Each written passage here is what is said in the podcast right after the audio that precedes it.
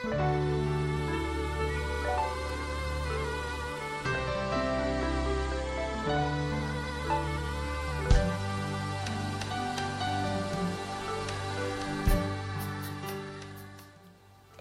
warahmatullahi wabarakatuh. Kita teruskan mengenai rasa dengki di antara manusia, di antara kelompok-kelompok, bahkan kelompok-kelompok yang sudah mendapatkan petunjuk dari kitab Al-Quran dan kemudian sudah menghayatinya, sudah menafsirkannya, juga sudah beribadah kepada Allah, tapi tetap hidup di kamar-kamar kedengkian yang luar biasa kompleksnya di Republik ini maupun di seluruh dunia sehingga saling benci membenci, saling kafir mengkafirkan, musyrik memusyrikkan, saling pokoknya nyala-nyalain.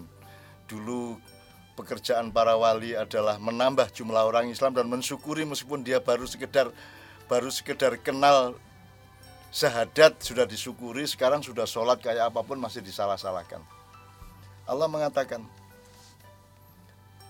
di tengah kamar-kamar kebencian itu maka dengan kehendaknya Allah memberi petunjuk kepada mereka yang beriman tentang kebenaran yang mereka perselisihkan.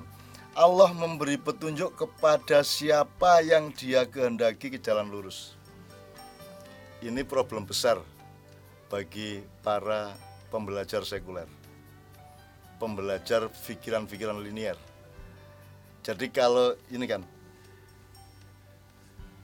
Wallahu yahdi mayyasha ila siratim mustaqim Allah mengendaki siapa saja yang dia maui untuk dituntun ke dalam jalan yang lurus. Jadi kalau ada orang tidak di jalan lurus kan juga tidak dikehendaki Allah. Jadi subjeknya tetap Allah. Jadi yang salah Allah dong. Wong Allah yang milih siapa yang diberi petunjuk, siapa yang tidak. Dan ini ada banyak sekali ayat-ayat yang lainnya. Mayyadillah fala mudillalah wa mayyudlilhu fala hadiyalah. Barang siapa diberi petunjuk oleh Allah tidak ada yang bisa menyesatkan dan barang siapa yang disesatkan Allah tidak ada yang bisa memberi petunjuk. Ini kalau kita berpikir linear kita langsung menuduh ya sudah kalau gitu Allah yang berkehendak kok kita masuk kita benar apa tidak kita lurus apa bengkok kita tersesat atau kita tidak tersesat itu kan kehendak Allah. Kalau kita memakai cara berpikir lurus linear seperti itu.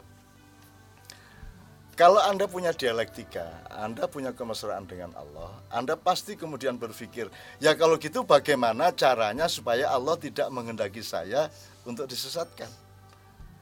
Karena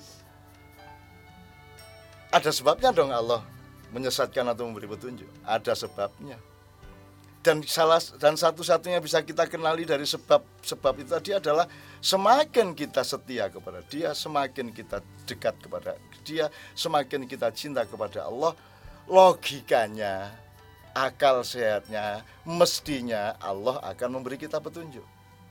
Dan itu juga ada dinyatakan pada ayat-ayat yang lain. Jadi Memang Allah yang ambil keputusan untuk memberi petunjuk atau menyesatkan, tetapi keputusan Allah itu ada asal usulnya, ada sebab yaitu kelakuan kita sendiri. Makanya ada hadis kudsi yang mengatakan ana inda doni abdibi. Aku berlaku berdasarkan persangkaan hamba-hambaku kepadaku. Persangkaan itu tidak hanya persangkaan di hati dan pikirannya, tapi perilakunya kan mengandung persangkaan atau tuduhan atau apa namanya kesimpulan terhadap kehendak Allah. Nah, jadi meskipun Allah mengatakan innallaha ala kulli syai'in qadir, Allah yang menetapkan atau yang mentakdirkan segala sesuatu. Kemudian ada tarikot yang ya sudah semua ini kan Allah yang menghendaki kita kan cuma boneka. Kita nggak bisa apa-apa. Padahal tidak seperti itu karena manusia diberi akal dan jarak dari Allah untuk dia bisa memilih bagaimana supaya Allah menyesatkan atau bagaimana supaya Allah tidak menyesatkan atau supaya Allah memberi petunjuk. Jadi menurut saya pekerjaan manusia yang utama adalah merayu Allah. Nyedak-nyedak, dusel-dusel nang Gusti Allah. Ya apa carane ngelembuk-ngelembuk nang Gusti Allah cek gak di sesatno, cek supaya tidak disesatkan oleh Allah Subhanahu wa taala. Saya kira itu pekerjaan kita. Tidak ada kepastian apa-apa kecuali satu bahwa kita berusaha untuk tidak disesatkan oleh Allah Subhanahu wa taala.